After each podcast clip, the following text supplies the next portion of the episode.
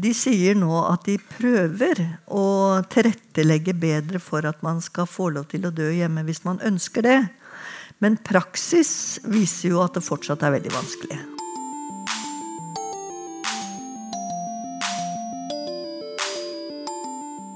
Hei og velkommen til en ny episode av Sykepleiens podkast, som denne gangen handler om hjemmedød. Lørdag 10. oktober ble det arrangert en paneldebatt om dette temaet på Kulturhuset i Oslo. Arrangører var tidsskriftet Sykepleien og Hospiceforum Norge, og debatten ble avholdt i forbindelse med verdensdagen for hospice og palliasjon. Debatten ble ledet av temaredaktør i Sykepleien og sykepleier Liv Bjørnhaug Johansen. Hei, velkommen eh, skal dere være. Dere som har trosset koronaen og regnvær og kommet hit. Og dere som eh, følger strømmingen på nett. Og dere som kanskje står neste uke og vasker opp og hører på podkasten. Veldig glad for at dere har satt av tid til å høre på dette temaet her i dag. Jeg heter Liv Bjørnhaug Johansen. Jeg er temaredaktør i Sykepleien. Og sykepleier, fortsatt i en bitte liten stilling. Um, I dag er det verdensdagen for hospice og palliativ omsorg. Eh, det blir markert over hele verden i over 100 land. Her også. Eh, vi som står bak dette arrangementet her i dag, er altså Sykepleien, som jeg representerer, og Hospiceforum Norge, her representert ved Astrid Rønnsen, som dere skal høre mer fra etterpå. Eh, altså verdensdagen for palliasjon. Palliasjon i Norge det er mange temaer vi kunne snakket om i dag, men vi har altså valgt å snakke om hjemmedød. Årets tema for denne verdensdagen er My Care, My Comfort. Eh, og hjemmet er for de aller fleste av oss den ultimate komfortsonen. Der vi føler oss mest trygge, mest på plass i vårt eget liv. Det burde også være, hvis det er fortsatt trygt, det beste stedet å dø. Vi har en helseminister som lenge har snakket om at han ønsker seg pasientens helsetjeneste. Eh, vi som jobber der ute, vet at det klarer vi langt fra alltid å levere. Ikke desto mindre er det et godt mål å ha med seg. Eh, og særlig når vi jobber med dem som har kort tid igjen av livet. Og det er dem vi skal snakke om i dag. De jeg har med meg her i dag, er Astrid Rønsen. Som hun har jobbet i palliasjonsfeltet i snart 40 år. Mm. Ulike steder. Eh, nå leder du den tverrfaglige utdanningen i palliasjon på NTNU, NU Gjøvik. Og du jobber også, tror jeg, fortsatt i en liten klinisk stilling på Hospice Lovisenberg. Hun nikker. ja. Eh, du har også vært styreleder i Hospiceforum Norge tidligere. Og du skal også få snakke litt om hvordan det er å være pårørende eh, i en hjemmedødssetting. Og så har jeg med meg Ellen Halvorsen. Eh, du er sykepleier som har jobbet med palliasjon ulike steder. Du har vært på Radiumhospitalet, du har vært på Hospice Lovisenberg i mange år. Eh, og de siste årene har du eh, jobbet i kommunehelsetjenesten, bl.a. fire år i hjemmesykepleien. Eh, og til sist har vi Ellen Aasheim, som er sykepleier i Fransiskunshjelpen her i Oslo. Som jobber da spisset med bare hjemdød. Eh, og Der har du jobbet i 19 år, så du har eh, fulgt dette feltet ganske lenge. du også. Vi har ganske mange års erfaring eh, samla her i dette panelet i dag, hvis noen begynner å regne på det. Det er også en annen god grunn til å snakke om palliasjon og hjemmedød i dag i oktober 2020 i Norge. og det er at det har kommet en stortingsmelding om palliasjon fra regjeringen. Det er den aller første av sitt slag. Den skal behandles i Stortinget 17.11. Eh, målene med denne meldingen så skriver regjeringen eh, at de vil synliggjøre døden som en del av livet. Og de vil bidra til at de som har behov for det, får tilgang på lindrende behandling og omsorg. Eh, og ikke minst så skriver de at de ønsker å legge til rette for best mulig livskvalitet og valgfrihet i lindrende behandling og omsorg. Og valgfrihet til å bestemme hvor man ønsker å dø. Også om man ønsker å dø hjemme. Og Det er da dette siste vi skal snakke om i dag. For her tror jeg vi alle vil etter denne timen skal jeg ikke røpe for mye, men jeg tror vi vil sitte igjen med en følelse at her er det et godt stykke igjen å gå. Eh, så jeg vil gjerne Astrid, at du kan begynne å si noe om status nå. Hvor er det nordmenn dør, og hvor mange av oss får faktisk dø hjemme? Mm. Ja, Eh, det vi vet, er at eh, altså Det siste tallet vi har, er at 13% dør i eget hjem. Eh, men i det tallet så ligger både de som planlegger for å dø hjemme, og faktisk gjør det, og de som dør en brå død. Alt fra selvmord, eh, akutte hendelser osv. Så, um, sånn sett så er det, det er all, all grunn til å tro at tallet uh, som, i forhold til den gruppa vi snakker om her, det er under halvparten, altså ca. 6-7% som dør hjemme. Så kan du si at det tallet har holdt seg mer eller mindre stabilt i nærmere 30 år. Men det store skiftet i, i Norge er at fra at de aller fleste døde på sykehus for eh, da 30 år tilbake igjen, så er det nå er det sånn at over halvparten av oss dør på et sykehjem i Norge. Um, så det er fortsatt institusjonen som er det stedet hvor vi dør. Men det er sykehjemmet som har blitt det stedet hvor de fleste dør. Mm. Eh, takk. Eh, Ellen eh, Halvorsen, eh, du jobb, har jobbet mange år i hjemmesykepleien. Og det er jo hjemmesykepleien som eh, er si, eh, den faglige arenaen for hjemmedød.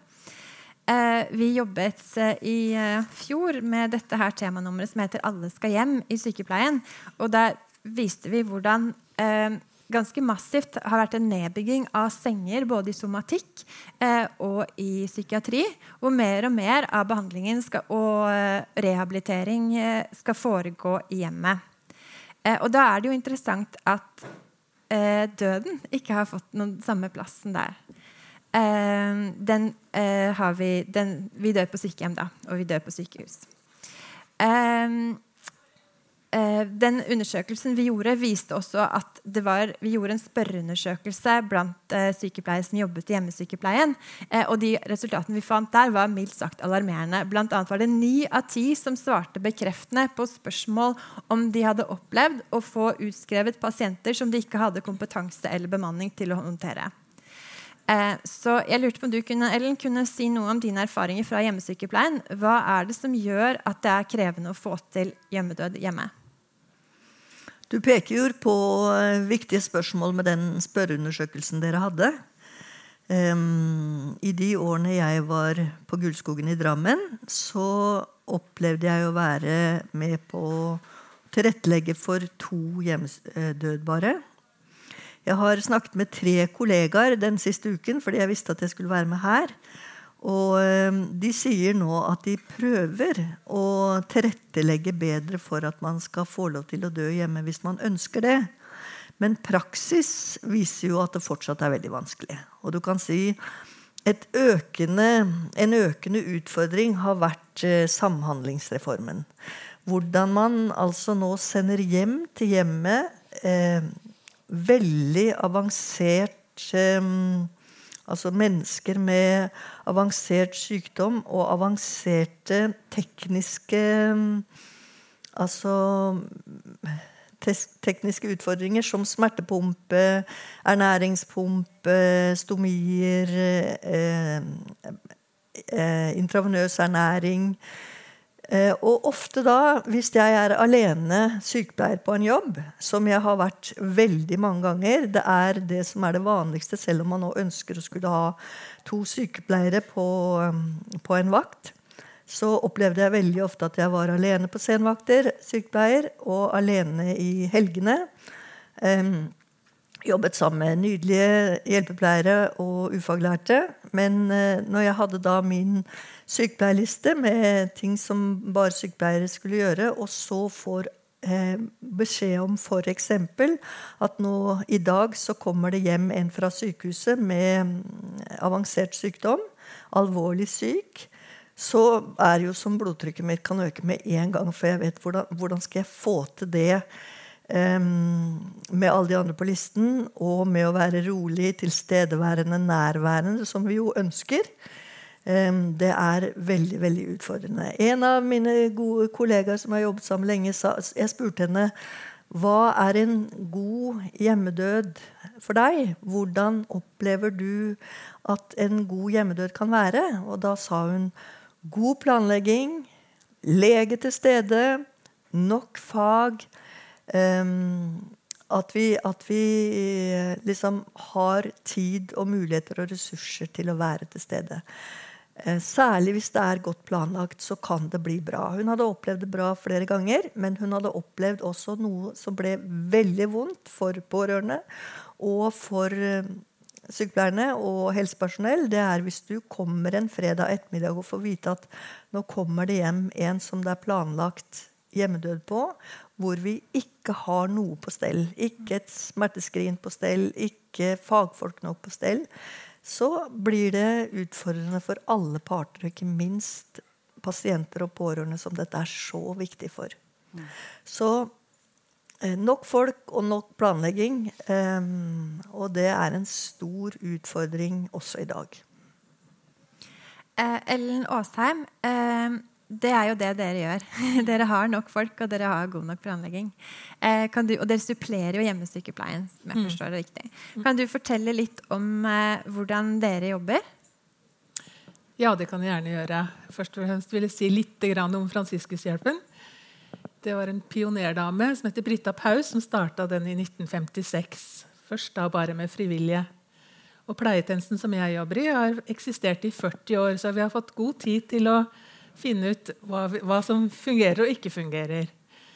Eh, vi er organisert sånn at eh, vi har jo da helhetlig fokus både på, på pasient og pårørende. Og vi kan tilby vakter på dagtid og nattevakter. Og spesielt ser vi eh, nattevaktene er veldig velkommen da, i den siste fasen i livet. Og at pårørende da kan få hvile litt og ta seg inn litt. For det er ingen som klarer å holde både dag og natt. Så det er en viktig del som gjør at folk kan være hjemme. Og så er det sånn at vi har det er alltid en sykepleier på vakt hos oss.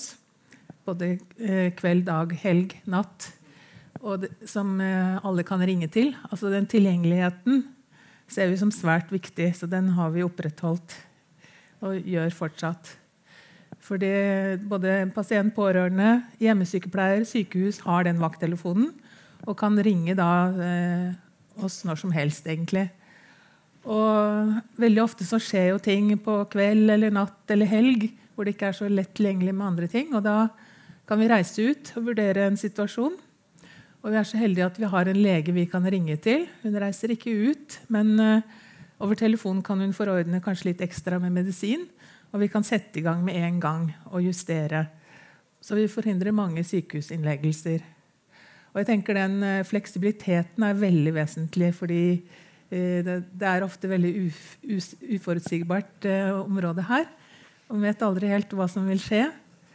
Ja.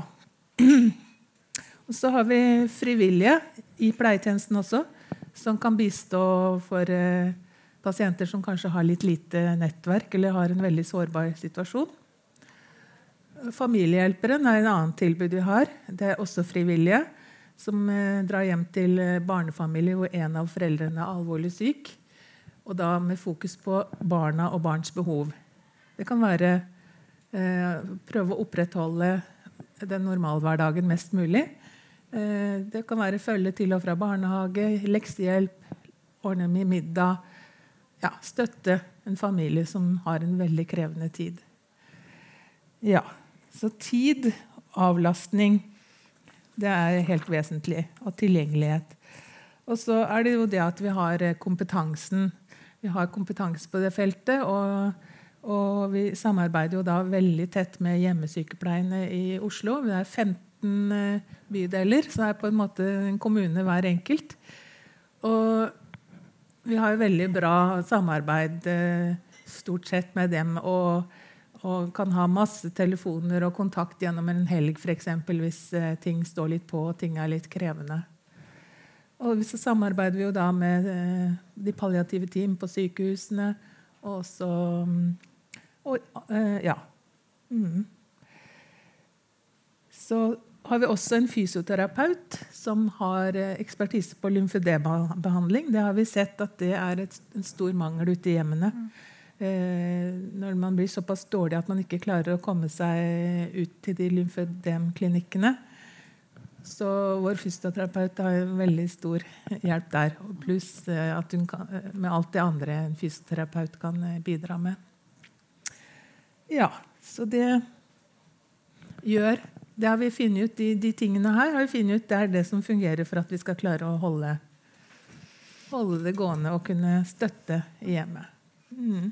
Um, Astrid, um, du skrev i dette her bladet uh, 'Alle skal hjem', så ble du intervjuet av uh, vår journalist Marit Fonn, hvor du mm. snakket litt om da du fulgte moren din mm.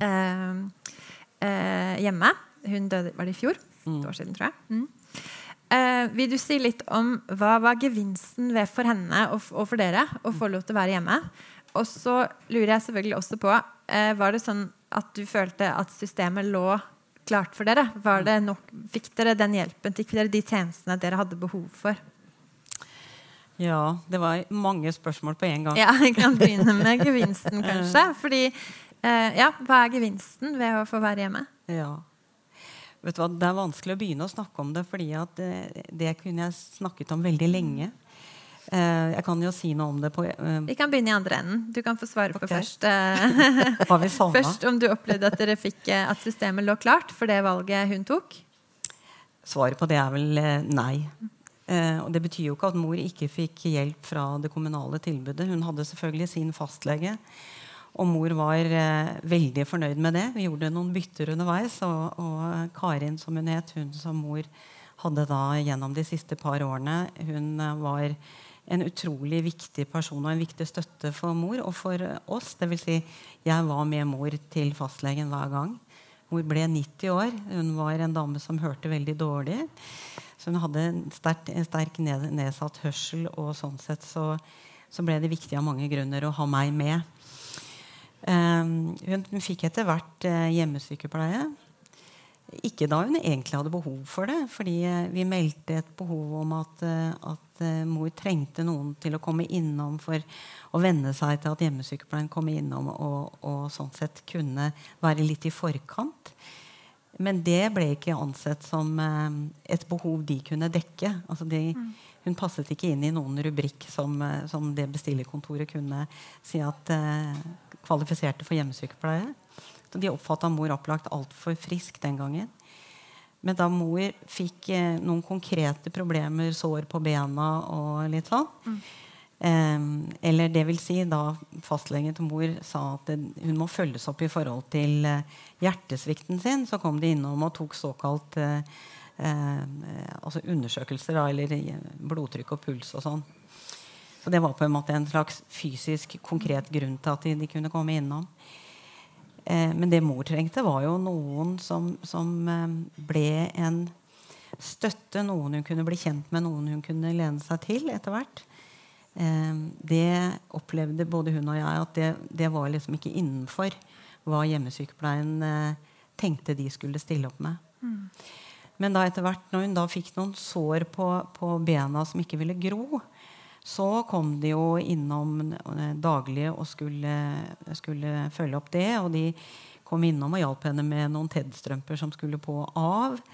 det var jo også konkrete oppgaver. Mm -hmm. Så sånn sett så fikk jo mor hjelp fra hjemmesykepleien. Ja, Men til praktiske ting, ikke den uh, helhetlige? Nei, ikke den helhetlige. Ja. Den åndelige omsorgen er ikke bestillerkontoret sitt domene. Kjenner du igjen det, Ellen Halvorsen? Mm.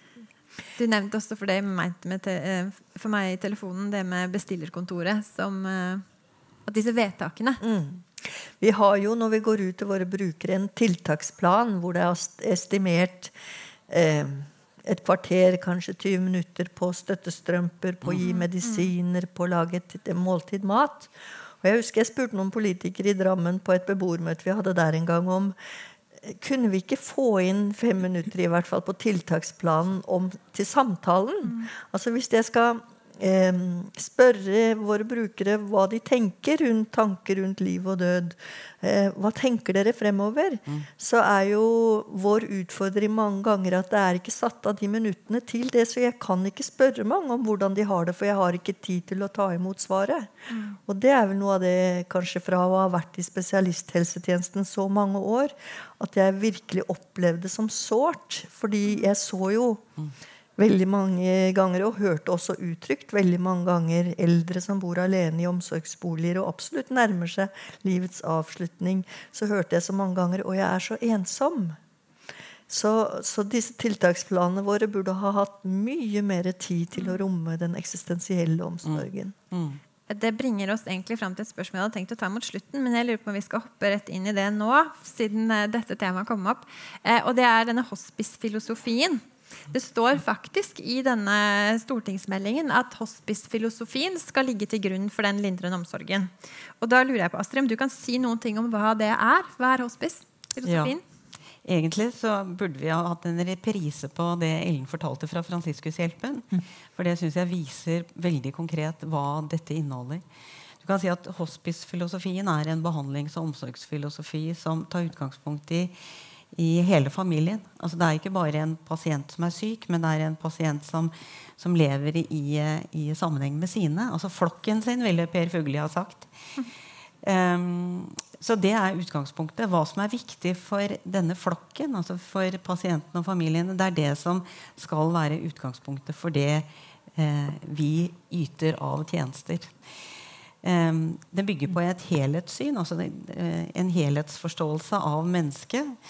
Um, hvor både de fysiske, psykiske, sosiale og ikke minst åndelige utfordringene er, er vesentlige og ses i sammenheng. Altså En smerte er ikke bare en fysisk tilstand. En smerte påvirkes i stor grad av eh, hvordan du har det, og hvem du omgir deg med. Og ikke minst eh, hva du er bekymra for eller ikke. Um, og det å ha med seg den forståelsen når man møter en som er alvorlig kronisk syk, døende, det er den store forskjellen. Du kan si at Det som er utfordrende, er jo da å tenke seg at dette lar seg implementere i sykehus som eh, er, er, bygd opp rundt en helt annen logikk. Um, altså en medisinskfaglig logikk er annerledes. Um, så sånn sett så kan du si at uh, i utgangspunktet så er det en utfordring å få dette til å fungere på et, et sykehus sånn som vi normalt uh, tenker et sykehus er.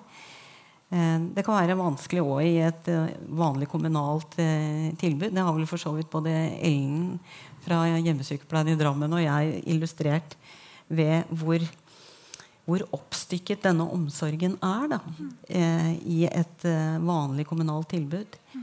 Så det er fint at vi har en regjering som har ambisjon om at hospice-filosofi skal ligge til grunn for, for eh, behandling og omsorg av alvorlig kronisk syke. Men spørsmålet, utfordringen, er jo hvordan omsette denne måten å tenke eh, til praktisk handling. Mm. Eh, Ellen Aasheim, dere bruker, i Fransiskushjelpen bruker også hospice-begrepet. Eh, så jeg lurte på om du kunne si noe om hva er hospice hjemme? Ja, det, er vel, eh, det blir jo nesten å gjenta det Astrid sier nå. Altså et helhetlig syn, og spesielt av pasienten og pårørende, å se den helhet. Mm. Og fokus på alle sine behov. Og se, eh, se hva de trenger. Prøve, prøve, å legge til rette slik at de får det de trenger. Mm en helhetlig måte. Um, men det som er hjemmet som ramme, jeg tenker også dette med ja, både hospice og denne pasientens helsetjenester. Hva er det hjemmet som arena for død gir? Er det noen av dere som har lyst til å prøve dere på det nå? ja, jeg syns jo det er eh, så givende og spennende. Vi kommer da inn på deres territorium, deres område. Så, så maktbalansen blir annerledes om man mm. skulle være på et sykehus, f.eks. Og også for pårørende som er på et sykehus og blir sittende på en pinnestol ved siden av senga og er bare på besøk, så er det deres arena. Eh, det er deres levde liv som vi kommer inn i og ser, og kommer midt inn i. Og det føles veldig verdig at de skal kunne få lov til å avslutte sine liv der de, der de all, vil være aller helst. Mm. Ja. Mm. Jeg har lyst til å, å, å følge opp det, Eilen, fordi jeg opplevde jo det så til de grader da jeg var sammen med mor. Eller da var, vi var hjemme, i, mm. Eh, hjemme hos henne. Eh, og det å, eh, det å kjenne at eh, For det første, for mor var den største skrekken å bli lagt inn på sykehus. Den, den nest største skrekken var vel å bli lagt inn på sykehjem. Eh, så hun hadde jo et sterkt ønske om å være hjemme. Men samtidig kan du si at ikke for enhver pris. Hvis hun hadde opplevd at det ble en for stor belastning for oss, og kanskje særdeleshet jeg som var der, var der mest, så hadde nok dette blitt annerledes. Altså hun begynte nok å vurdere om, om sykehjemmet var en mulighet. Fordi at hun skjønte at, at, hun levde jo og levde jo over, i lang tid. Men det å få lov til å være der hun aller helst ville være, det å fylle hverdagen med de hverdagslige tingene som var hennes, det, jeg så jo hvor utrolig viktig det var. Eh, og jeg må si for, for Nå begynner jeg å nærme meg det, et av spørsmålene dine i Stalin. eh, og det, det, både det å få muligheten til å hjelpe henne til å gjennomføre det, mm. men ikke minst det å få lov til å være hjemme når hun faktisk døde. Eh, hvor stor betydning det hadde for resten av familien. Altså brødrene mine og meg for, eh, for eh, mannen min, for barna våre, for barnebarna våre, altså mors oldebarn. Det at vi alle kunne samles der hjemme og forholde oss til eh, Mommo, som hun het, eller oldemor Kari, min mamma, som, som uh, etter at hun var død At hun lå der i den senga hun sov i hver natt. At uh, vi kunne samles inne i stua. At barnebarna mine begynte å tegne tegninger som de ville at oldemor Kari skulle ha med seg i kista. Hvordan det inspirerte sønnen min, min eldste sønn, til også å sette seg ned ved det samme kjøkkenbordet og skrive brev til Momo, til sin mamma. Eh, og dette var jo ikke noen som fortalte de at det var smart å gjøre. Altså, dette var noe som, som skjedde helt av seg sjøl. Eh, og det å se hvordan barnebarna mine trøsta hverandre, altså kusiner og fettere, eh, satt ved siden av mor og med lyset på nattbordet. Og, og hvordan de eh, Noen var mer fylt av tårer enn andre. Hvordan eh, Johanna ble trøsta av Theodor, fetter Theodor ute på gangen fordi hun syntes dette var trist. og hvordan den minste av barnebarna mine satt ved siden av mormor eller oldemor Kari og stilte mange spørsmål om hvorfor puster hun ikke. Eh, hun ser annerledes ut. Eh, rett og slett fikk sin første erfaring med å, å se at noen var død. Mm. Og at det ikke var skremmende. At, det var, at dette var noe som, som de selvfølgelig undra seg over. Og de hadde jo sitt forhold til mor. Men, men, men bare at det, dette ble en erfaring som, som ble mer fin. Den var også trist. Men, men, den inneholdt så mye av det motsatte. Um, og jeg har tenkt hadde det vært mulig å få til det på et sykehjem eller på et sykehus? Nei. Det hadde blitt noe helt annet. Um, så sånn sett så er jeg forferdelig glad for at vi, vi, klarte å gi mor den gaven hun ønsket seg mest av alt. Og det ble en gave til oss også, rett og slett. Mm. Um, det jeg nevnte i stad, dette her med at all annen, eller veldig mye annen behandling eh, føres hjem til hjemmet, mens døden har liksom blitt hengende i institusjonene. Eh, det sier jo noe om en slags form for kulturell barriere også. At eh, døden er ikke eh, Det er fakt... Ja. Døden er ikke noe vi er komfortable med å ha i husene våre. Er det sånn?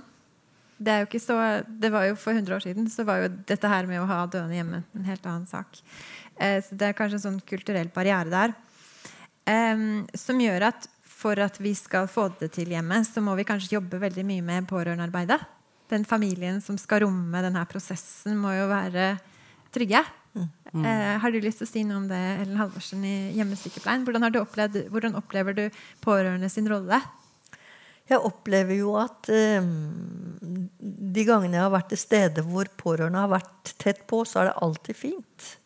Altså der hvor eh, pårørende har en vilje, litt sånn som du beskriver, Astrid, med barn og barnebarn, og mange ønsker å stille opp. Og når det er særlig store og, og gode pårørendegrupper som ønsker å være til stede hos mor eller far, så opplever jeg at det er eh, godt. Og særlig når de er trygge på at vi er trygge, hvis ikke de er mm. fagfolk. Jeg har opplevd at de også har vært fagfolk, men hvor de har lent seg til at vi har hatt uh, trygghet og kompetanse på at vi kan uh, det vi skal. At vi kan hva vi kan gi. Og særlig hvis det er store smerteproblemstillinger, f.eks. At vi har muligheter til å få tak i lege for å øke smertepumper f.eks., og at de kan lene seg til at dette kan vi, så har jeg opplevd at det har blitt veldig fint. Og eh, at det har vært godt for pårørende etterpå å være til stede, og at det har vært godt for oss som eh, personale at vi har mestret det. Eh, så, så, det er veldig for, når vi har lege, når vi har eh, planlagt det sånn at vi har folk nok, så kan det bli veldig fint. Og jeg må jo si at i overgangen fra å ha opplevd spesialisthelsetjenesten og Hospice Lovisenberg og kom til hjemmesykepleien i Drammen, så vet jeg ikke hvor mange ganger jeg har tenkt og lengtet etter og drømt om Tenk om vi hadde hatt et hospice-team à la Fransiskushjelpen mm. som kunne komme ut og hjelpe når vi har stått ved unge, redde sykepleiere som føler at de ikke har hatt kompetanse og vært redde. Og jeg har absolutt stått ved unge sykepleiere som nesten har fått panikk og angstanfall og brutt ut i gråt over at dette, dette tør jeg ikke, dette har jeg ikke kompetanse til. Dette er jeg for redd for kan, altså, Og jeg har stilt opp, og det har vært fint, på, på og frivillig å være med inn for å trygge. Fordi at jeg hadde erfaringen. Og, men da har jeg tenkt så mange på det mange ganger. Det må jo la seg kunne ordne og få til den type team. Jeg, har, jeg vet ikke hvor mange ganger jeg har lengtet etter det når jeg har hatt travle vakter og følt meg alene. Tenk om vi hadde hatt noen å kunne ringe til. Mm. Jeg vil holde meg litt på dette med pårørende. Ellen Aasheim, du sa til meg i telefonen at dere bruker ganske mye, mye tid på pårørendearbeid mm. og informasjon. Uh, og informasjonen er jo ofte litt vanskelig, fordi når prognosen er dårlig, så er det mange som egentlig ikke vil vite så veldig mye. De vil heller på en måte forvalte det lille håpet de har. Uh, men det går jo utover planleggingen. Sånn at Hvis man skal kunne planlegge et, et, en hjemmedød, er man avhengig av å spille med åpne kort? Er det sånn? Eller hvordan forvalter dere den balansen mellom eh, informasjon og planlegging og håp? Ja, det er en, ofte en balansegang, akkurat det der. Det å kunne få inn hjelpemidler i, i riktig tid, for det tar gjerne litt tid å få det, f.eks. Og så kunne tenke da litt framover. Eh, så det med samtale både med pasient og pårørende blir viktig arbeid. Og den informasjonen, ja. Eh, og spesielt når vi ser at det begynner å nærme seg slutten, så vi, prøver vi å sørge for at uh, vi har med oss pårørende, slik at de skjønner hva som er i ferd med å skje.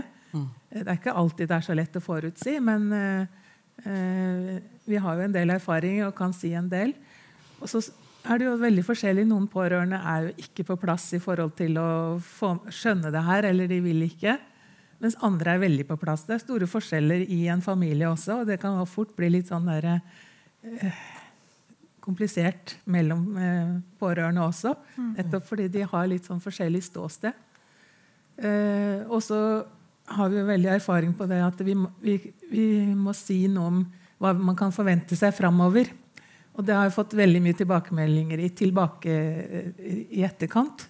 At det at de at vi kunne si litt om tegn og hva som, kan, hva som, er vanlig. Nå er det jo veldig forskjellig hvordan forløpet kan være, men vi, vi skisserer et, eh, et, eh, vanligvis et, et, forløp da. Og det sa de i etterkant at det var utrolig trygt. For da ble det ikke ukjent. Og det, de skjønte at dette her er en naturlig prosess. Det er ikke noe som plutselig er litt farlig eller sånne ting. Så det å bruke god tid når vi ser det går mot slutten, det har vi god erfaring med. Det må vi gjøre. Mm. Er det noe dere får tid til i hjemmesykepleien? Altfor lite. Ja. jeg tror jo, eh, ut fra erfaring fra tidligere, at mange egentlig ønsker og er åpne for den samtalen. Mm. Eh, dersom vi skaper et, et rom for det. Eh, og jeg har jo absolutt gode erfaringer med åpne, gode samtaler i hjemmesykepleien, også med pasient og pårørende. Eh, hvor det har vært åpenhet for at eh, hjemmet er et veldig godt sted å være så lenge det er trygt. Mm. Både for pasient og pårørende. Eh, men, men den dagen det er utrygt, så mm. blir det ikke et så godt sted å være for mange. Og det er da det er da det hadde vært godt med andre muligheter å legge til rette. Men når det ikke er det, så har det jo f.eks. vært et godt sted i Drammen å kunne ta mm, lindrende avdeling, som var en veldig god avdeling veldig lenge. Um, og, et godt sted å, kunne snakke direkte om når man åpnet opp for tanker rundt veien mot døden. Uh, så fantes det sted som, som, var et godt alternativ til hjemmet hvis det ble for utrygt. Mm.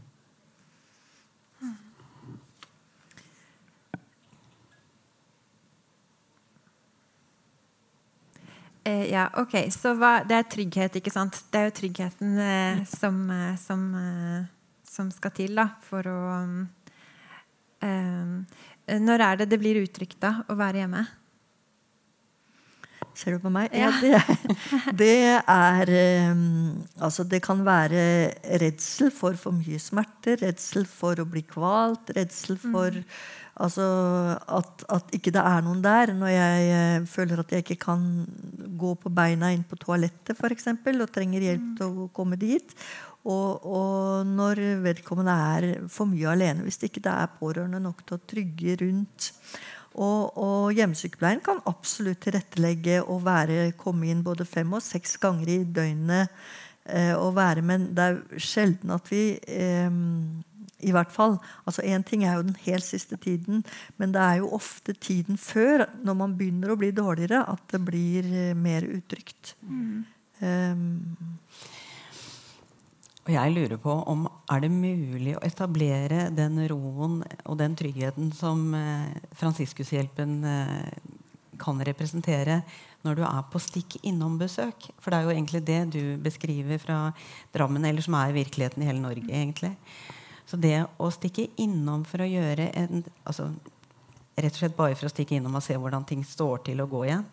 Det å være innom i fem minutter eller være innom på veldig korte besøk jeg tror Det, det, er, det, er, ikke, det er ikke nok. Det er ikke, det er ikke det som etablerer den store tryggheten. Og jeg tenker at eh, det er kanskje noe av det aller viktigste spørsmålet. fordi for hva er det som gjør at situasjonen blir trygg nok? Ikke bare for pasienten, men for familien. Altså for det er jo de nærmeste pårørende som, som er der 24 timer i døgnet. De, noen er på jobb osv., men på slutten så er det jo de som representerer kontinuiteten rundt, eh, rundt, den døende pasienten. Um, og det, så det å trygge pårørende, det å skape en ro der hjemme som gjør at man er nedpå nok eh, jeg, jeg, tror hemmeligheten ligger der.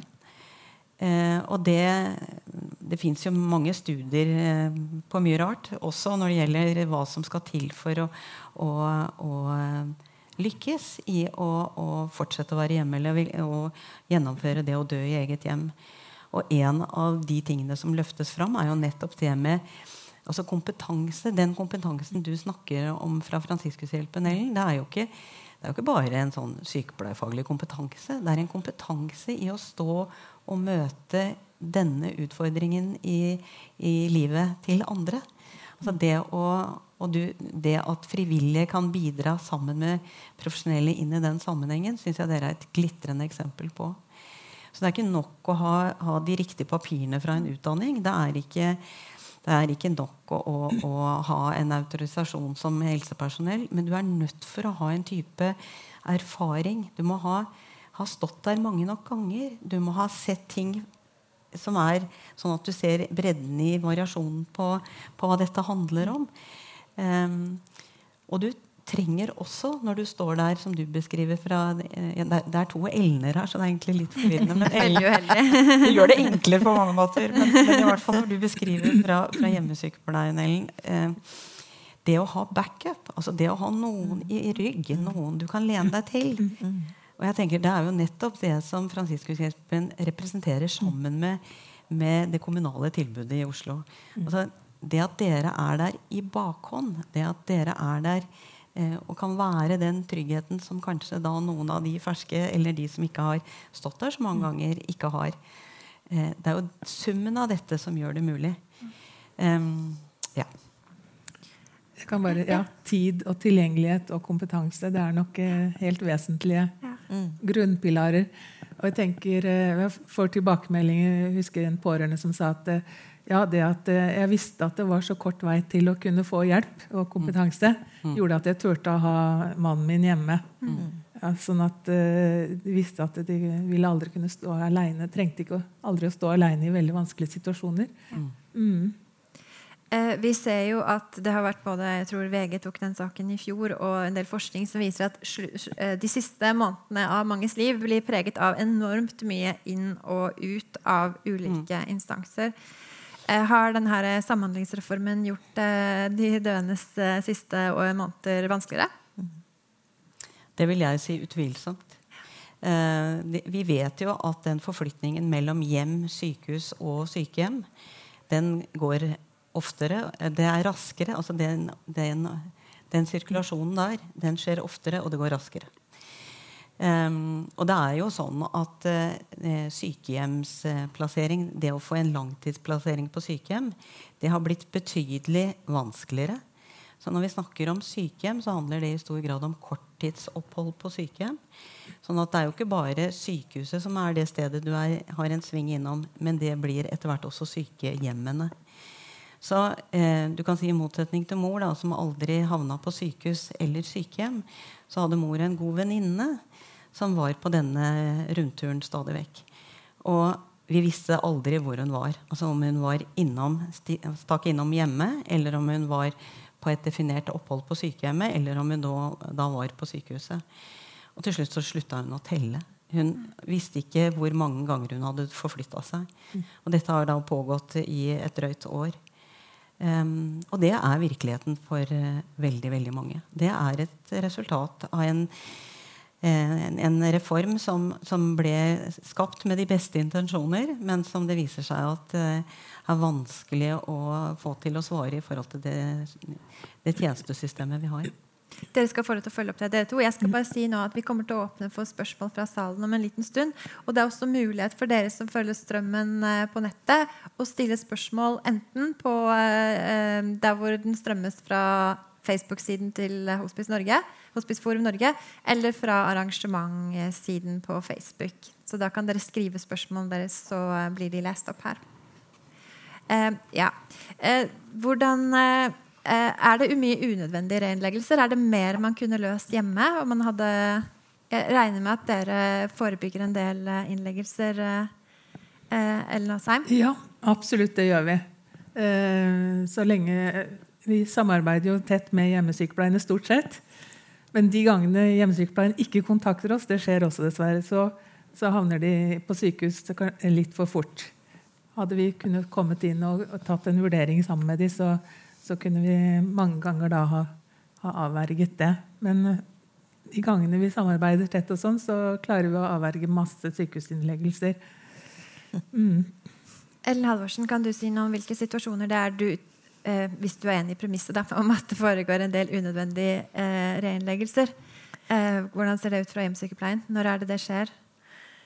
Eh, altså eh, det som, kanskje, altså det som dukker opp som kanskje er en av de største utfordringene, det er jo eh, når, altså det å våge å være sykepleier og si til sykehuset at nei, vet du hva, nå på en fredag ettermiddag så har ikke vi fag og kompetanse til å ta imot vedkommende eh, denne helgen her. Og det er det ikke alle sykepleiere som tør å si, fordi det betyr jo at kommunen må betale for en ferdig utskrevet pasient som egentlig da skal til hjemmet eller til et eh, korttidsopphold på sykehjem. Eh, og det opplever vi veldig krevende i forhold til eh, Samhandlingsreformen. Og så er det jo da, hvis det da ikke er nok bemanning til at vedkommende da kommer hjem, og så vi ikke, får vi ikke tak i lege, og så um, blir det legevakten som vi må kontakte. og Der er det mange forskjellige, og også kjenner ikke ofte legevaktslegene til denne beboeren. Og når eh, ikke legevaktslegen da vet hva man skal gjøre, så blir det tilbake til sykehuset igjen. Eh, Istedenfor at vi kanskje kunne fått opplæringen som vi trengte til å ta imot litt lengre tid, sånn at vi hadde hatt, eh, følt at vi hadde behersket de utfordringene som var, og så kunne vi fått tid til å planlegge og ta imot. Mm. Så det er i hvert fall en, en, grunn til at det blir tur-retur ofte. Mm, mm. Um, det er um, um, det er jo denne stortingsmeldingen som er ute. Eh, så, og de, de tingene jeg leste innledningsvis å legge til rette for best mulig livskvalitet og valgfrihet i lindrende behandling og omsorg. Valgfrihet å bestemme hvor man skal dø, også om man ønsker å dø hjemme. Um, hva tenker dere skal til da for at, sånn, for at vi kommer dit? Har dere lyst til å ta en runde på det? Åh. Ja, skal jeg si litt. Grann. Ja. Eh, som jeg ikke sa innledningsvis, vil jeg også si at eh, eller pleietjenesten er lønna av Oslo kommune, så tjenesten er gratis. Men det er en ideell stiftelse og startet av en katolsk dame som da er en, Det er fortsatt en katolsk stiftelse, men vi som jobber her, har forskjellig religiøs bakgrunn, og vi hjelper alle. Eh, så jeg tenker, eh, ja, Hvis man skal tenke økonomi, så Alle de sykehusinnleggelsene og sykehjemsinnleggelsene vi sparer, så, kan det, eh, så vil jeg nok anta at vi, det kan være lønnsomt, faktisk. Det å, å, å tilby da nattevakter, avlastningsvakter, både dag og natt, f.eks. Ute i hjemmene. At hjemmesykepleierne kunne bruke en lignende modell som oss. og og vi kaller den modellen vår en slags storbymodell. Og det er sikkert mange byer som kunne faktisk ha en sånn modell som vi jobber ut fra. Mm. Ja. Jeg tror faktisk at, at vi kunne tatt imot og, og opplevd både tryggere og bedre. Både pasient og pårørende og oss personale ved å ha en sånn backup-løsning som Astrid og Ellen snakker om. Ja, jeg har lyst til å si at Det er en grunn til at jeg tok dissens i det opprinnelige NOU-utvalget. Og det er fordi at jeg tror at skal vi oppnå den ambisjonen om å gi folk en reell valgmulighet, og gi flere mulighet til å få lindrende behandling og omsorg, uansett hvor det måtte være, så er vi nødt for å få et hjul til på denne vogna. Eh, Det vi, jeg foreslår en, en hospice-modell. Eh, Det er noe som Hospiceforum Forum Norge har gjentatt i flere sammenhenger. Og det hjemmetilbudet som Fransiskushjelpen eh, altså det de representerer, ser vi på som ett av flere viktige elementer i et eh, hospicetilbud. Og det, da holder det ikke å, gjøre det i Oslo. Da må man ha dette tilbudet godt plassert geografisk andre steder i Norge også. Altså et utgående team som forsterker det tilbudet som er der fra før, sånn at det er mulig for sykepleiere og andre som møter disse pasientene hjemme, til å få den ryggsekken tung nok til å, å, å klare å gjennomføre det. Altså en forsterkning av det tilbudet som er. Men i tillegg å ha da mulighet for døgntilbud utover det ordinære sykehus-sykehjemstilbudet som er per i dag.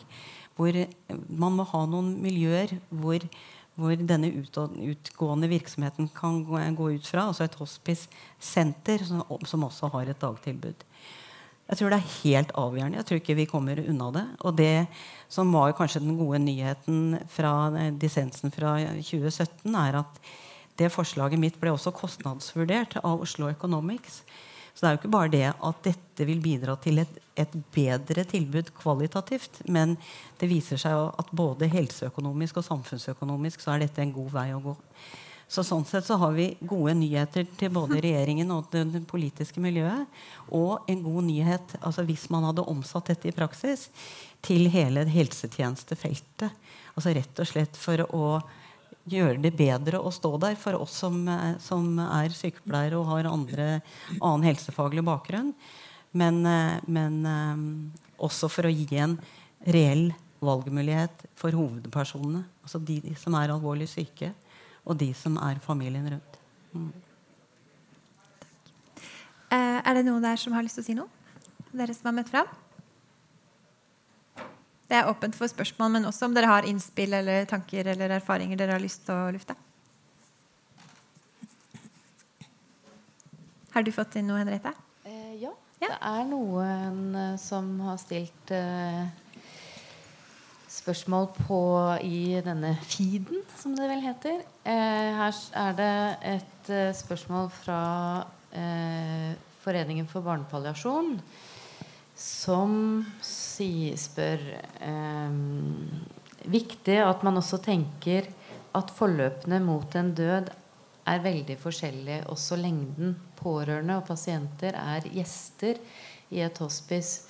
Trygghet, tid og tilgjengelighet er viktige premisser for hele familien. Hvordan kan vi tydeliggjøre forskjellen på et barnehospice og et voksenhospice? spør de. Jeg har lyst til å svare på det. Eh, og det er en veldig viktig kommentar, og som er et spørsmål som kommer fra veldig ulikt hold fra flere. fordi alt det vi har snakka om i dag, er jo knytta opp til voksne. Mm. Og når vi snakker om hospice og hjemmehospice som en forsterkning, så er jo det stort sett i forhold til voksne. Jeg vet ikke om dere har fulgt opp barn? Eller? Jo, vi har det. Ja. Spesielt da med nattevakter. så foreldrene kan sove. Ikke sant? Mm. Men når vi snakker om barnehospice, eller når vi snakker om barnepalliasjonsfeltet, så er for det første barn, altså alvorlig syke barn er en helt annen populasjon enn de typiske voksne som, som eh, lever med sine alvorlige kroniske lidelser. Så, så, det gjør det forskjellig, men det er også en familie, altså en annerledes familie enn når det er voksne som er syke. Det er foreldre som mister barn, det er søsken som skal miste søsken osv. Så, videre. så det er mange grunner til å tenke annerledes om, eh, om barnefeltet enn voksenfeltet. Og barnehospice har jo sånn sett også en funksjon som et eh, ja, ferie, fristed på veien. Altså Det er ikke bare et sted hvor folk søker til i den aller siste tiden, men det er også et sted som kan gi familie en, en et reelt tilbud og en avlastning eh, underveis for å klare å takle hverdagen hjemme. Så sånn sett så er den kommentaren for Forening for barnepalliasjon veldig viktig inn i denne sammenhengen også. Kan jeg spørre videre inn? Eh, men da er det fagfolk på et barnehospice? Om det er fagfolk på et barnehospice? Ja, Hvis det bare skal være et hvilested eller ah, feriested. Ja, ja. Det er helt klart at det trengs eh, en, eh, en solid kompetanse for personellet som er der. Um, for å kunne ta over ansvar for et alvorlig sykt barn. altså For at foreldre skal gi det ansvaret fra seg til noen, så kan du være helt sikker på at de, er, de ser på med lupe om den kompetansen er på plass. Så det er en selvfølgelig del av det hele. Ja, Ellen. Jeg bare si at uh, Her i Oslo er det jo et avansert hjemmesykehus som mm. kommer hjem og er, kan være hjemme hos eh, familien helt til litt seint på kvelden. Og, mm. og, som driver med avansert behandling i hjemmene. Mm. Så det fungerer jo veldig bra her i mm. Oslo i hvert fall. Mm. Og så tror jeg det er viktig å tenke, hvis vi nå skal ha fokus på, på alvorlig syke barn, at uh, Eh, noe er å ha støtte og hjelp for å klare hverdagen. Eh, for det er hverdagslivet leves hjemme. Men for å klare dette hverdagslivet så trengs det veldig mye. Det trengs eh, barnepalliative team, det trengs avansert hjemmesykehus, og det trengs barnehospice. Utvilsomt. Mm. Eh, dette med nå bare skyter jeg inn her uh, apropos. Fordi dette med hvor du bor i Norge, det har jo ganske mye å si for hva slags tjenester du får. Sånn som det tilbudet innbyggerne i Oslo har. da. Det er det jo Gjennom dere er det jo ingen andre som har. Er det realistisk at man kunne lage et uh, palliativt team som følger opp hjemme uh, etter den modellen i f.eks. Finnmark, da, hvor avstandene er så store? Er det noen som har lyst til å prøve å kommentere det? Jeg har veldig lyst til det. Ja. og det har jeg lyst til å kommentere med bakgrunn av at jeg har vært eh, mange steder i verden. Blant annet har jeg vært i Colorado og sett på ulike hospiceprogram der. Jeg kan si at eh, Befolkningen i Colorado kan sammenlignes med befolkningsgrunnlaget i Norge. Eh, og det som kjennetegner den delstaten, er jo at folk lever noen i større byer. Denver er vel den eneste storbyen. Det er mindre byer, det er tettsteder, og folk lever i grisgrendte strøk. Oppover i fjellene osv. Det eneste som, som, på en måte skiller Norge fra Colorado sånn, altså, i forhold til geografi, er jo at eh, det er litt mer konsentrert. Det er et stort fjell imellom, og de mangler noen norske fjorder. Men ellers så er det egentlig ganske spennende å sammenligne. De har utvikla et veldig avansert, godt hjemmehospice-tilbud. Og det er veldig desentralisert. Eh, og på vestsiden av Rocky Mountains, i et eh, program som heter Hope West, så ble vi fortalt at eh, altså over 60% av alle alvorlig kronisk syke er dekka av det eller av dette hospice-programmet. Eh, og det er noen svært få facilities eller hus eller hospice i egne hus med døgnplasser. De aller fleste er hjemme, og de aller fleste dør i eget hjem. Så at dette er mulig, ja, det er snakk om vilje. Hadde du mer? Ja, det er litt mer her. Ja. jeg tenkte først jeg ville bare stille et spørsmål selv. Ja, for jeg, da vi snakket om eh, dette med reinnleggelser Henriette er da styreleder i Hospice Norge. Det er hun som snakker nå. Ja, det kunne jeg sagt. Dette. Eh, jeg eh, tenkte på dette med reinnleggelser fra hjemmesykepleien. Eh, som vi har jo snakket om at det er et problem. En ting er det der å få meldt pasienter sent eh, eller på tidspunkt som er vanskelig å ta imot. Men så er det jo kanskje det, det er noen som lever lenge over tid. Eh, og lurer litt på hva er det som gjør at pasienter blir lagt inn for det meste, både i erfaring fra Ellen Halvorsen, som har vært i hjemmesykepleie, men også fra Ellen eh, fra Fransiskushjelpen, i forhold til hva er det som dere ser at blir grunnlag for reinnleggelser når det er det man ikke får til å trygge hjemme? Ja. Eh, Ja, altså Det kan være at pårørende er altfor slitne til tross for at de får avlastning fra oss. Eller at det en sjelden gang er, eh, er symptomer som vi ikke får til å lindre i hjemmet, som eh, man må på et sykehus for å, for å få lindret, f.eks. En sjelden gang iblant. Eller så er det jo ja, og noen pårørende er i utgangspunktet altfor skjøre og utrygge til å kunne ta det ansvaret som det, som det er å ha noen hjemme. Så det, ja, det er alle mulige situasjoner. Og vi, I situasjoner hvor vi ser at de pårørende det er for skjøre, her er det ikke, er det ikke eh, muligheter for å kunne få til noe, så støtter vi gjerne pårørende, slik at de ikke skal få en sånn voldsom skyldfølelse for at de var for svak eller ikke fikk det til, til tross for at kanskje pasienten gjerne, veldig gjerne vil. Så vi ser det helhetlige der også, og prøver å lindre, slik at det ikke skal bli for uh, stort nederlag for den pårørende, det også. Ja. Har du lyst til å si noe om det? Eller?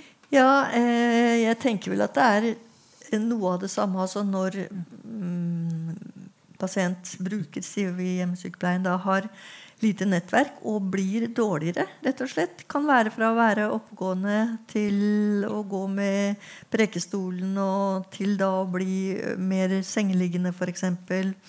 Tar til seg dårligere ernæring sirkulatorisk dårligere. altså Sånn at, at vi blir bekymret ved å se en overgang, og det ikke er lagt til rette for og ikke er nettverk for å kunne være der 24 timer i døgnet. At det kan skje litt gradvis. Så er det jo ofte korttidsopphold på helsehuset f.eks. Eventuelt innleggelse hvis det skjer noe mer akutt. da. Lårhalsbrudd, altså fall. Eh, Det er mange av de som bor alene og har lite nettverk, å- opplever jeg. Ja, Ellen Åsheim, du hadde Ja, jeg vil bare si litt i forhold til det. fordi at vi har jo også på, eh, pasienter med lite nettverk. Og da har vi hatt noen få veldig gode tilfeller hvor da pasienten absolutt ikke vil innlegges. Hvor vi da har eh, pøst med forskjellige, på med forskjellige frivillige som har trådt til da, kanskje en, noen dager. Og fått det til at de kunne få lov til å dø hjemme. Eh, Så det går an, men eh, det krever jo litt sånn ekstra innsats fra mange eh, for å få det til. Mm. Det er noen spørsmål her som ikke Jeg ser at, eh, eh, dere kan svare som sitter i eh, panelet. Så de, de tenker at jeg skal ikke stille. Uh, blant annet så har det kommet fra Nastasja Pedersen. Hva er egentlig motstanden mot hospice? Om hva dette tjenestetilbudet er. Det kan vi jo bare spekulere i, tenker jeg. For det er vel, de som sitter her, er vel egentlig for eh, at, det, at hospice-tilbud er en god ting. Ehm, Men eh, dere har vel kanskje vært i diskusjoner? Astrid, har du noen eh, meninger om det? Du har vel, eh, Ja, altså Dette spørsmålet kommer jo stadig opp. Hva er det denne motstanden mot hospice bunner i? Fordi den motstanden er ikke politisk. Mm. Altså Det som eh, jeg opplever i, gjennom alle disse årene vi har jobbet med denne saken, så, så opplever jeg at det er stor politisk interesse. Det er stor eh, interesse for å, å prøve å tenke i litt andre retninger enn det vi har gjort så langt. Men motstanden kommer paradoksalt nok fra helsetjenestens egne. Altså de som jobber i dette vesenet, og som har engasjert seg også i dette fagfeltet. Og hva som er begrunnelsen for motstanden fra de, det skal jeg være forsiktig med å, å begynne å, å, legge ut. Det er klart at jeg tenker nok at noe handler om en frykt for å miste ressurser eh, til eh, det det man selv er en del av. Eh, men jeg tror nok også at det bunner i en sånn eh, Nei, det skal jeg ikke si. jeg tror nok at kanskje hovedargumentet ligger i en frykt for å miste ressurser. ja. Jeg tenker bare som, hvis jeg får si, jeg har jo et veldig veldig stort hjerte for eh, en sånn dagpost, altså hospice mm. dagpost, hvor eh, pasienter som da begynner å bli dårligere, men fortsatt kan bo hjemme, kan få lov til å komme et sted hvor de treffer andre. Og hvor akkurat det som man jo ønsker i stortingsmeldingen, at man både skal velge å kunne forberede seg, altså hvor vi har samtalene hvor vi har møte med tverrfaglig team, hvor det er mulig å gjøre de forberedelsene inn mot at man kanskje kan få til å dø hjemme. Eller at man i hvert fall da kan samtale om hva er det det innebærer. altså disse og, og, der er det rom for det. Og jeg har opplevd det så mange ganger. Og, og dette med hvordan eh, pasienter blir til støtte for hverandre mye mer enn det vi som helsepersonal, da er vi rammen, vi i det tverrfaglige teamet. Men, men, dette med at de kan gi hverandre tips og råd og følge hverandre helt inn mot livets slutt. Og de er så modige. Jeg har få ganger sett eh, det motet som jeg opplever at alvorlig syke mennesker gjør når de vandrer med hverandre inn mot døden. Støtter hverandre, hjelper hverandre, gråter sammen, ler sammen, galgenhumor sammen. Og så ja, nei, Det er bare så vakkert. Og jeg skulle ønske at det fantes i alle kommuner. Jeg kan ikke skjønne at ikke det kan være økonomi til det. Mm. Ja, for det er vel akkurat der at Ofte kan det være politisk vilje, men når det kommer til den eh, kommuneøkonomien, så ryker eh, de tilbudene som du beskriver der, da, i mm. pragmatikkens ånd. liksom. Men der mm. eh, tenker jeg at eh, hvordan har vi råd til å la være? Mm. Altså, hvordan har vi råd til å ikke satse mer på å gjøre denne omsorgen eh, så god som mulig for eh, mm. så mange som mulig? Eh, og jeg tenker at denne koronasituasjonen vi har vært i, eh, det, det, har jo vist hvor sårbare vi er. Altså, det har vist hvor, hvor eh, utsatte vi blir. Og vi bare aner hva denne begrensningen av muligheten til å besøke våre på sykehjem og sykehus, hva det har gjort med de menneskene som skal leve videre, og hva det gjør med sorgforløpet til folk, det er virkelig noe som bekymrer, bekymrer mange av oss. Eh, og det vet vi kanskje ikke svar på akkurat i øyeblikket, men der aner vi kanskje noe som eh, vi er nødt for å ta hånd om i det lange løpet senere. også koronaen har jo veldig synliggjort at så lenge du er innlagt i en institusjon, så er det pasientens helsetjeneste bare innenfor de rammene institusjonen til enhver tid tillater. Um, du skulle kommentere det? Ja, akkurat det. Så ser vi nettopp det at de pårørende kan være så lite sammen med sine. Mm. At vi har en veldig pågang eh, til eh, at folk vil være hjemme nå på våre tjenester. Så vi trenger mm. helst mer ressurser. Det er ganske mm. krevende tider. Ja. Mm. Kan du si noe mer om det, Ellen? For, for jeg tenker vi, vi snakket, litt, snakket, litt, om det at, at, det kan føles som et stort ansvar. Og det handler jo kanskje om å være pårørende når mm. en er hjemme. Det handler jo kanskje også om at eh, Vi har på en måte døden, gjort døden medisinsk. Da, tatt det inn i institusjoner. Så blir, man føler seg kanskje litt sånn eh, at man skal gjøre noe feil som pårørende. Det eh, er en sånn oppfatning jeg selv sitter med. Og så tenker jeg nå i denne koronasituasjonen hvor, hvor det å være på sykehus kanskje er farligere enn å være hjemme, eh, så har flere oppsøkt dere. også dette med at man ikke får ha besøk så lurer jeg på hvordan, hvordan har dere opplevd de forløpene har dere, har dere, fått noen ny erfaring i denne tiden i forhold til hvordan pårørende stiller seg til det å øh, være hjemme, ha den syke hjemme? Ja, vi jobber jo som vi alltid pleier å gjøre, og trygge og stå på med det. Men det vi ser, er jo at uh, vi må prioritere de som trenger det aller mest. Mm. Slik at vi har jo hatt mye mer eh, hjemmedødsfall nå i år enn vi noen gang har hatt. Mm. Eh, og dessverre så har vi måttet satt eh, folk på venteliste. Det er første gangen vi har mm. gjort. Mm. For de da som vi ser har litt, litt lenger å gå på. Mm. Eh, så det er i hvert fall situasjonen sånn den er nå. Mm.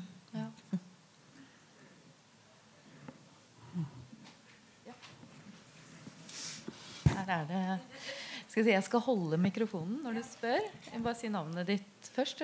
Ja. Eh, Adina. Jeg er kreftkoordinator i bydel Sagene i Oslo. Dette er kanskje mer et innspill enn et spørsmål. Eh, men når jeg jobba i hjemmesykepleien tilbake Jeg er ikke helt sikker på årstallet, men jeg tipper et sted mellom 2011 og 2013. Ja.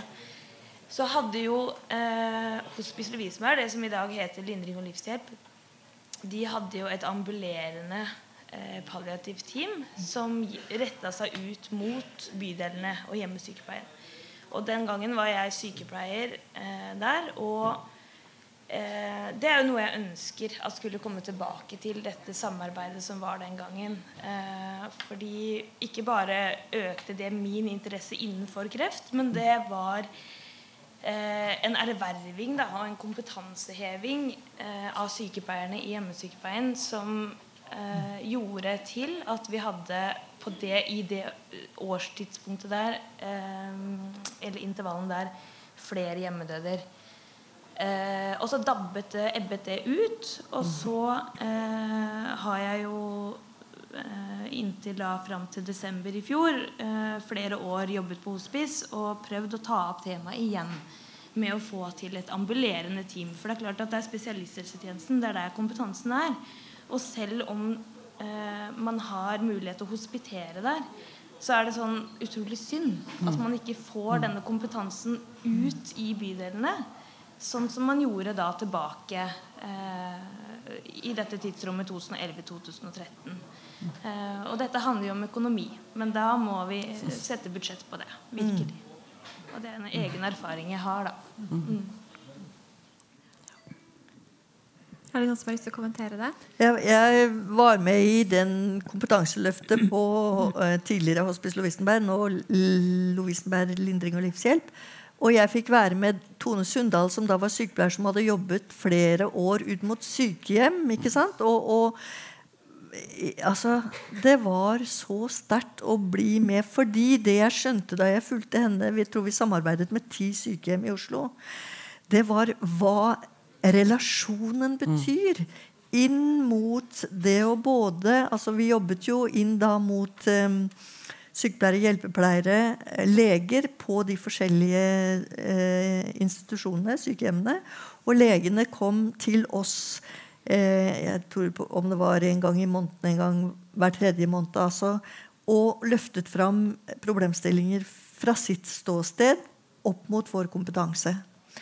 Og det året var helt utrolig nydelig. Og da så jeg jo altså For det er jo snakk om at vi skal samarbeide her. Mm. Det er ikke konkurranse overhodet det er snakk om, men det er snakk om at vi skal støtte hverandre, vi skal gi hverandre kompetanse.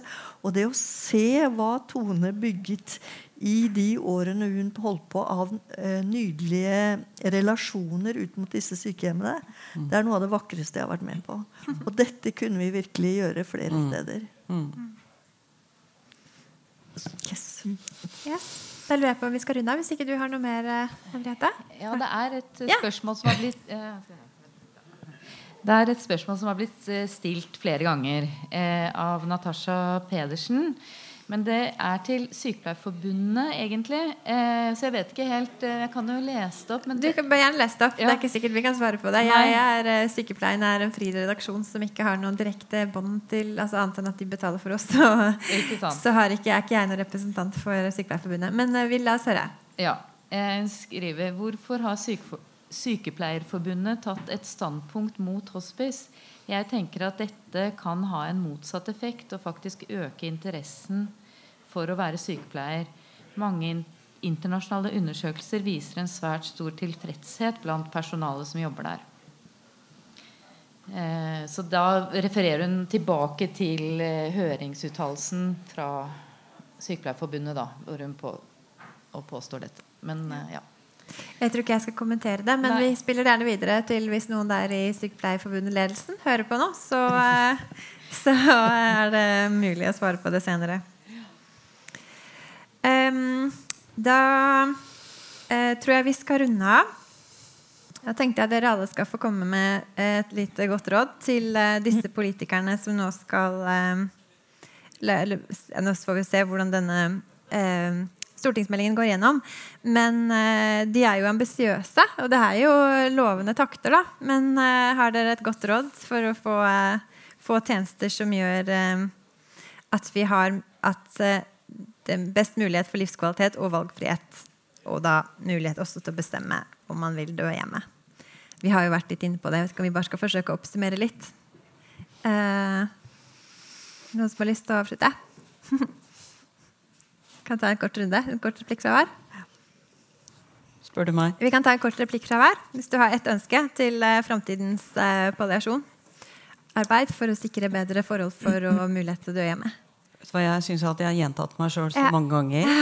At eh, jeg tror jeg egentlig har bare lyst til å si at jeg håper den stortingsdebatten som kommer nå 17. november, at det er en debatt hvor man virkelig eh, altså De politiske partiene utfordrer hverandre og samtidig ser på dette som et felles ansvar. Altså, dette er et felt som ikke handler om eh, å score noen eh, billige poenger verken her eller der, men dette bør være et eh, tverrpolitisk prosjekt for å sørge for at den norske befolkningen får et tilbud som eh, Norge kan være bekjent av. Er det lyst til å si noe? Ja, jeg jeg håper jo at de tør å våge å prøve eh, altså, nye tanker. For jeg tenker at uh, dette er også god økonomi. Altså, å, å få det til sånn at det burde ikke være noen motsigelser i å våge nye tanker både når det gjelder eh, hospice som eh, pilotprosjekter i kommunene ut mot de forskjellige altså, og eh, og hospice, små, altså små hospice-team à la Fransiskushjelpen. Jeg tror det kunne trygget mange. Altså. Jeg tenker på unge eh, sykepleiere og helsefagarbeidere som står mye alene nå. Vi må ta vare på dem. Vi må passe på at ikke de flykter fra stillingene sine, men at de ønsker å bli og være og stå i dette som egentlig er helt fantastisk flott eh, arbeid. Ellen Asheim? Ja, jeg stiller meg bak hva dere har sagt. Og, men jeg vil også nevne noe som vi ikke har snakket så veldig mye om. Det er at eh, palliasjon har vært veldig mye dreid seg om kreftpasienter. Og at eh, jeg tenker for framtida at vi må bli mer diagnosenøytrale. Det har vi veldig fokus på nå i Fransiskushjelpen. At eh, folk da som har andre typer diagnoser og er i siste fase i livet, også skal ha like mye tilbud som kreftpasienter. For der er det store forskjeller. Det ser vi. Så det er et ønske også framover. Pluss det dere har sagt. Ja. Mm. Ok. Takk skal dere ha, alle tre.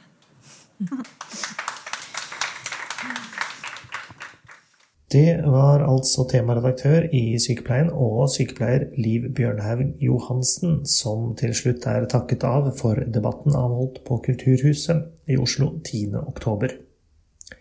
Dersom du vil høre flere episoder av Sykepleiens podkast, så finner du alle sammen på sykepleien.no, på iTunes, podbean.com og på en rekke andre plattformer for podkast. Jeg heter Ingvald Bergsagel. Vi høres.